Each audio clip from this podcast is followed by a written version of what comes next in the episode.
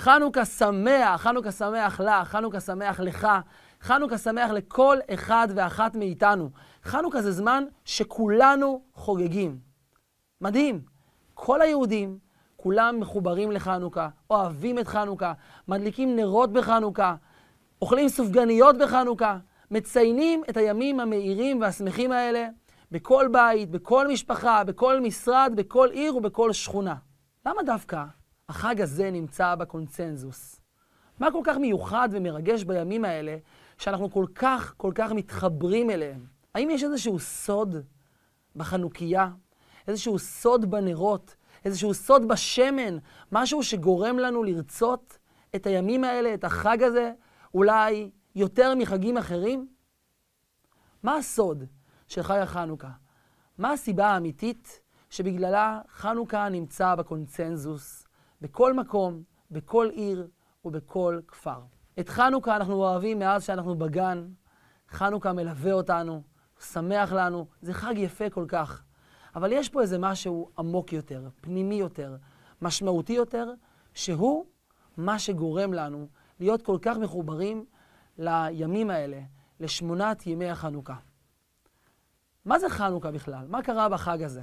אז בואו נזכר קודם מה קרה בחנוכה לפני אלפי שנים, כאן בארץ ישראל. היהודים סבלו רדיפות מהיוונים ששלטו אז בארץ. הם ניסו לגרום ליהודים שלא ללמוד תורה, לא לקיים מצוות, לא לדבוק במסורת היהודית ולהפוך להיות חלק מהיוונים. אבל למרות הלחץ העצום שהם הפעילו על העם היהודי, ולמרות שהם הצליחו בחלק גדול מהמקרים, קמו קבוצה קטנה, בראשם מתתיהו הכהן הגדול. והוא הכריז והודיע, מי להשם אליי. הם נקראו אז המכבים. מכבי ראשי תיבות, מי כמוך באלים השם. ובאופן פלאי, אותה קבוצה קטנה ניהלה מלחמה וניצחה את הצבא החזק ביותר בעולם.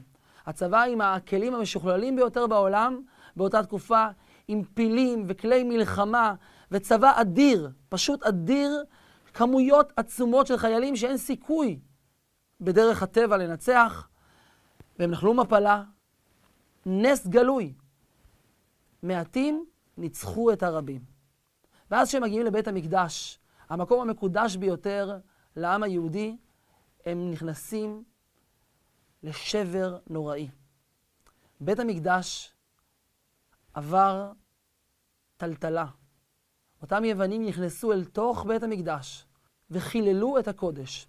הם עשו כל שביכולתם כדי לדכא את היהודים, לדכא את היהדות, ושיא השיאים היה שהם נכנסו לתוך בית המקדש וטימאו את כל השמנים, כך שלא היה שמן להדליק את המנורה הקדושה של בית המקדש. וכך הלכו המכבים, הלכו היהודים, וחיפשו פח של שמן, עד שמצאו פח אחד קטן, חתום בחותמו של הכהן הגדול. ועם הפח הזה הם חנכו מחדש את בית המקדש. הם הדליקו את המנורה הטהורה, והפח הקטן, שהיה בו רק כדי להספיק ליום אחד, הספיק לשמונה ימים. זכר לאותו הפח, אנחנו אוכלים מאכלי שמן, ובעיקר מדליקים נרות. נרות בדוגמת נרות בית המקדש. שמונה ימים, זכר לנס של שמונת הימים בהם דלק אותו פח קטן של שמן זית זך טהור. את הסיפור כולנו מכירים, אבל בואו נתבונן קצת במה שקורה פה. מה היוונים בעצם רצו? מה הפריע להם? מה הם ניסו למחוק? מה הם ניסו לשבור? אם נתבונן בסיפורי ההיסטוריה, ויש סיפורים מדהימים של מה שעברו אז העם היהודי, המסירות נפש המדהימה שבה חיו אז היהודים, איך הם עשו את נפשם בשביל קיום מצוות. הם עשו הכל כדי לדבוק באמונתם. מי היו היוונים? מה הם רצו מהיהודים? מה כל כך הפריע להם שכמה יהודים לומדים תורה? מה, מה היה הסיפור שם? היוונים, חברים, היו אנשים מאוד חכמים.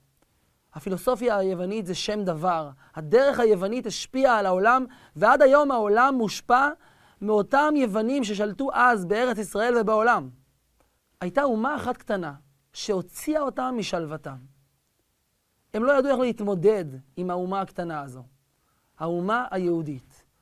היהודים הפריעו להם. היוונים הסכימו עם זה שהתורה, תורת ישראל, זו תורה מאוד מאוד חכמה. תורת ישראל היא תורה מלאה בעומק ובעשירות, ויש כל כך הרבה מה ללמוד בתורה. ליוונים לא הפריע שהיהודים לומדים תורה. ליוונים הפריע משהו אחר לגמרי. יש תפילה שאומרת שהיוונים רצו להשכיחם תורתך ולהעבירם מחוקי רצונך. נשים לב למילים. לא כתוב כאן שהם רצו להשכיחם את התורה, להשכיחם תורתך ולהעבירם מחוקי רצונך. מה שהפריע להם זו הדבקות היהודית באמונה, הדבקות היהודית בקדושה, בכל מיני דברים נשגבים שהם מעבר להבנה, שהם מעבר לחוכמה, שהם מעבר להיגיון. אין לנו בעיה שתלמדו תורה. יש לנו בעיה שתלמדו תורה, תורתך. תורה שהיא תורת השם, תורת הקדוש ברוך הוא, תורה שיש בה קדושה. אין שום בעיה עם חוכמה, אין שום בעיה עם מצוות שהן מצוות מובנות, מצוות הגיוניות. כל מה שלא הגיוני לא מתאים. זה הפריע להם שיש כאן אומה, אומה שדבקה בדברים שהם על-שכליים, שהם על-הגיוניים, דברים שהם לא הגיוניים, דברים שהם למעלה מהשכל. ולכן המלחמה שלהם הייתה בעיקר על מצוות שהן מצוות בלתי מובנות. לדוגמה, מצוות טהרה. הם לחמו בנושא של טהרה וטומאה, הם לא היו מוכנים בשום אופן שהיהודים יקיימו את טהרת המשפחה, שזה ללכת למקווה ולטבול ולשמור זמן של, זמן של קירוב וזמן של ריחוק. כל הדברים האלה הפריעו להם. כל הדברים האלה שיגעו אותם. תקיימו מצוות כמו כיבוד הורים, אפשר להבין. כמו לאהוב אחד את השני, אפשר להבין. אבל מצוות שקשורות בדברים שהם לא הגיוניים, ברית מילה. מה זה הדבר הזה? טהרת המשפחה, מה זה? ועוד כל מיני מצוות שמסמלות את הדברים שהם למעלה מההיגיון. תלמדו תורה, אבל תורה כשכל, כחוכמה, לא כתורתך, לא כתורה אלוקית, כחוכמה אלוקית. ובזה הם לחמו. בזה הם לחמו. ולכן, כשנכנסו היוונים להיכל, לבית המקדש, מה הם עשו? הם טימאו את כל השמנים. כשהיינו ילדים היו מציירים את זה, ככה קדים שפוכים, שהשמן שפוך על כל בית המקדש. אבל הרבי מלובביץ' מלמד שהם לא שפכו את השמן, הם השאירו את השמנים על המקום שלהם, על המדפים. הם פשוט הכניסו את היד שלהם בתוך השמן. הם הכניסו את החרב שלהם בתוך השמן, הם פתחו את השמנים. השמנים היו חתומים בחותמו של הכהן הגדול, הייתה חותמת שעווה, חותמת שיכלו לראות אם מישהו פתח את הכד שמן. כל הכדים בבית המקדש היו פתוחים, הם נטמעו בידיהם של היוונים. למה הם טימאו את השמנים? כי הם עשו צחוק מכל הנושא של טומאה. טומאה זה לא משהו מוחשי, זה לא משהו שאפשר לראות אותו בעיניים. זה משהו רוחני, זה משהו אמוני, זה משהו גבוה ונעלה מהשכל וההיגיון. זה הפריע להם. אתם יכולים לעשות בית המקדש ולעשות כל מיני דברים יפים שיש ליהדות, אבל לא דברים שהם לא הגיוניים, לא דברים ששייכים לטומאה, לטהרה, לקדושה, לדברים לא הגיוניים, לאמונה. ולכן הם טימאו את כל השמנים. והניצחון הגדול היה שהם מצאו פח אחד קטן, חתום בחותמו של הכהן הגדול. פח אחד קטן של שמן. פח אחד ויחיד שהיה טהור, שנשאר טהור. ועם הפח הזה הדליקו את המנורה הטהורה בבית המקדש. הפח הזה סימל שאנחנו נמשיך עם הדבקות הזו, באמונה שלנו, בטהרה הזו, בכוח העל-טבעי שמנהל ומנהיג אותנו. הקיום שלנו הוא לא הגיוני. וכך גם כשהייתה מלחמה עקובה מדם, מלחמה שבדרך הטבע אין שום סיכוי לנצח בה. אותה קבוצה קטנה, מעטים, קבוצה קטנה של אנשים, אותם מכבים, בראשות מתתיהו כהן גדול, ניצחו בה בצורה ניסית. כי מה ששלט כאן זה היה העל-טבעי. זה היה כוח של הקדוש ברוך הוא, שהוא למעלה מדרך הטבע. כי המלחמה כאן הייתה, האם הקיום שלנו הוא טבעי, או שזה קיום על-טבעי. זה הסוד של העם היהודי לאורך כל הדורות. אנחנו אנשים על-טבעיים. אנחנו קיימים כאן, אנחנו נוכחים כאן, אנחנו מקיימים את מצוות החנוכה בגלל שאנחנו לא אנשים טבעיים.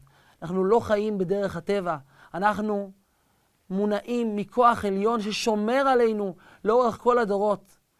באופן פלאי, כל שונאי ישראל ניסו להשמיד, להרוג ולאבד חס וחלילה את כל היהודים.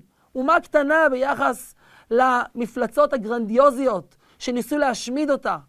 אבל הם עומדים עלינו לכלותנו, והקדוש ברוך הוא מצילנו מידם. כוח על-טבעי. פח קטן של שמן, טהור, שמדליק את כל המנורה. מעטים מול רבים. לא סתם חנוכה, זה שמונה ימים. העולם נברא בשבעה ימים. השבוע שלנו היא מחזוריות של שבעה ימים. זה מסמל את התנהלות החיים הרגילה, השגרתית, הטבעית, הנורמטיבית. מספר שמונה הוא מספר שלמעלה מהטבע. זה מספר שאומר, אנחנו עם כוחות למעלה מדרך הטבע. אנחנו קשורים למשהו שהוא מעל המספר הטבעי. לכן, דרך אגב, ברית מילה זה גם בשמונה ימים. כי הקשר של יהודי עם הקדוש ברוך הוא הוא קשר של למעלה מהטבע. קשר של שמונה, לא קשר של שבע. נחזור חזרה אל עצמנו. היום, כל אחד מאיתנו, יש לו המון דברים בחיים. המון התעסקויות, עבודה, משפחה, חברים, תחביבים, בלי סוף דברים, עיסוקים, הישרדות, כל אחד עם הסיפורים שלו, כל אחד עם מהלך החיים שלו. אפשר להתנהל בחיים כחיים טבעיים, כחיים רגילים, חיים שגרתיים, חיים של שבע, חיים של מספר ששייך לטבע. אבל אנחנו רוצים להכניס לחיים שלנו את השמונה, את הלמעלה מהטבע, את המשמעות, את החיבור, את האמונה, את הקדושה, את הטוהר. ומה שמדהים לגלות, וזה מה שמספר לנו חג החנוכה. לכל אחד מאיתנו יש בתוכו פח שמן טהור, חתום בחותמו של הכהן הגדול. גם כשכל השמנים לא טהורים, גם כשכל המסביב נראה לנו טבעי, שאין בזה מימד של תואר, של קדושה, של רוחניות, חיים רגילים. בתוכנו יש פח השמן הטהור, שחתום בחותם של הכהן הגדול. למקום הזה קוראים עצם הנשמה. עצם הנשמה, או בשפת הקבלה, היחידה שבנפש. היחידה. מהי היחידה שלנו? מהו הכוח העצמותי, הכוח החזק, הפנימי, העמוק והטהור ביותר שבתוכנו? זה פח השמן הטהור. ואת פח השמן הטהור, שום דבר בעולם לא יכול לטמא. שום טומאה שבעולם לא יכולה לטמא את פח השמן הטהור של יהודי. כל יהודי, בכל מצב שבו הוא נמצא, בכל סיטואציה שאליה הוא מגיע, לא משנה מאיזה מקום הוא, לא משנה מאיזה משפחה הוא, לא משנה מה הוא עבר בחיים, לא משנה אם הוא יודע שהוא יהודי או שהוא לא יודע שהוא יהודי, כל אחד ואחת מאיתנו, יש בתוכנו את פח השמן הטהור שחתום בחותמו של הכהן הגדול. שהקדוש ברוך הוא, שהוא הכהן הגדול, חתום עליו. זה סגור, ואף אחד לא יכול להגיע אל הפח שמן הזה. וכשמגיעה כזו סיטואציה, כזה סיפור, שמטמאים לנו את כל השמנים, הכל נגמר, אין לנו כלום, כלום, כלום. שום קשר, שום חיבור, שום הרגשה של רוחניות, שום קדושה, שום... אנחנו מרגישים שהכל הכל מנותק חלילה. בתוכנו נמצא פח השמן הטהור, שבו אי אפשר לגוע, שהוא נשאר תמיד נצחי. ומה עושים איתו? מדליקים איתו מחדש את המנורה הטהורה. יש בו את הכוח למלא את הנפש שלנו, למלא את המצברים שלנו, למלא את החיוניות שלנו, למלא את היהדות שלנו. זה הסיפור של חג החנוכה. חג החנוכה זה הסיפור, זה החג של הנשמה היהודית. זה החג שבו מתגלית היחידה שבנפש, אותו פח טהור של שמן שנמצא אצל כל אחד ואחת. לא משנה אם בגד כזה או בגד אחר, הדברים האלה הם שטויות, הם פוזה, הם חיצוניות, הם לא אמת. האמת היא פח השמן הטהור שנמצא בתוכנו. ולכן, זאת הסיבה שבחנוכה כולנו מתרגשים, שבחנוכה כולנו רוצים להדליק נרות, לחוות איזה מסיבת חנוכה, לחוות איזה הדלקת נרות חנוכה, לאכול ממאכלי החנוכה. אנחנו רוצים להתחבר לימים האלה, הימים האלה שמסמלים את ניצחון האמונה היהודית, את ניצחון פח השמן הטהור, את זה שכל יהודי בכל מצב מחובר לקדוש ברוך הוא. מעטים מול רבים. גם כשנראה לנו שיש לנו מעט, מעט, מעט, ממש קצת קשר ליהדות, ממש קצת חיבור לקדוש ברוך הוא, ממש קצת, מעט חיבור לנשמה שלנו, המעטים הם אלה שכובשים, משפיעים, מנצחים, מאירים את הרבים. גם אם היום יום שלי מלא בסתם עיסוקים, ועבודה, ושגרה, ופה וזה, ונראה לי שאני לא שייך ולא מחובר ליהדות הפנימית שלי, אותה יהדות פנימית, אותו פח השמן הטהור, הוא האמת שלי, והוא בסוף מנצח. כי מעט אור דוחה הרבה חושך. מעט אמת כובשת את כל ההוויה שלנו, והופכת את כל מי שאנחנו למחוברים באמת. זה הסיפור של חג החנוכה, זה הסיפור של כל אחד מאיתנו, בכל גיל, בכל מצב. ולכן, בחג החנוכה הזה, נעשה הכל כדי להדליק בכל יום, בעזרת השם, את נרות החנוכה.